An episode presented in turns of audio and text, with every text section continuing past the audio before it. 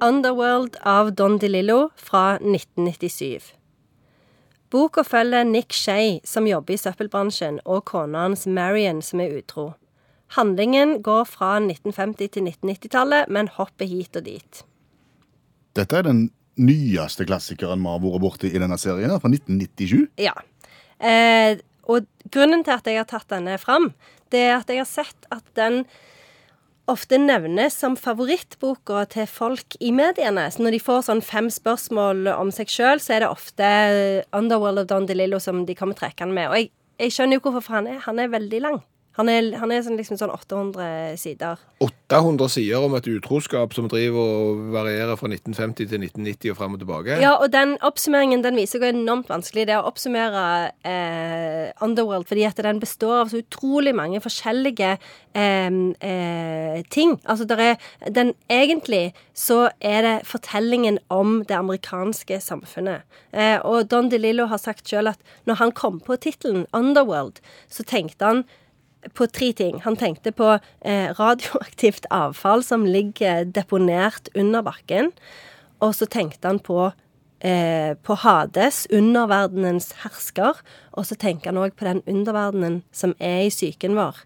Den underbevisstheten med ting som vi vil fortrenge. Og hvis du skal oppsummere eh, Underworld i, på en fest, så har jeg et forslag til en setning som på en måte vil, vil kunne hjelpe deg å komme unna med det. Og det er denne. Det er vanskelig å oppsummere hva denne boka handler om, men han tar jo for seg hele det amerikanske samfunnet fra 50- til 90-tallet. Han må gjøre det bare litt vanskelig og litt rolsete. Ja, han gjør det. Er det et, er det formgrep som er vrient her? Ja, det er det. Fordi at vi kaller denne romanen for postmodernistisk. Ja, og det, det har jo ingenting med ombæring av, eh, av brevet og postkortet å gjøre. Nei. For det er post etter modernisme. Altså etter modernismen. Egentlig et litt sånn ord som folk liker å slenge rundt seg med. Det kan bety nesten hva som helst. Men eh, akkurat i denne sammenhengen så viser det til eh, det grepet som Don DeLillo gjør med denne romanen, med at han liksom Der er en hovedperson, men han er ikke alltid med. Han dukker liksom litt opp her og der. Og så handler det litt om eh, en baseballkamp hvor han ikke er til stede. Og så handler det litt om atomprøvesprengninger i, i USA på før krigen. Så, sånn så det, han tar for seg så utrolig mange forskjellige ting. Det er typisk eh, postmodernisme. At du leker litt med fortellingen, og du leker litt med ord. og Du, du liksom gjør det jeg og greia uten å bry seg, mye om, seg så mye om konvensjoner. Er det et sitat her, eller? Ja, jeg har et sitat her. Jeg har det.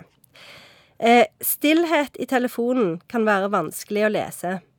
Det er ingenting i stillheten utenom den dype avstanden mellom dere. Er postmodernisme på sitt aller beste. Jeg kjente på den.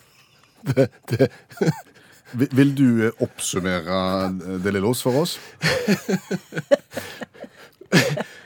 Før han begynte i, i bandet og, og, sang om da tieren var gul, og, og, neste sommer så skrev han jo dette praktverket her, som beskriver Amerika egentlig fra 50- til 90-tallet på en helt formidabel måte. Alt ifra radioaktivt avfall til helvete, baseballkamper og utroskap.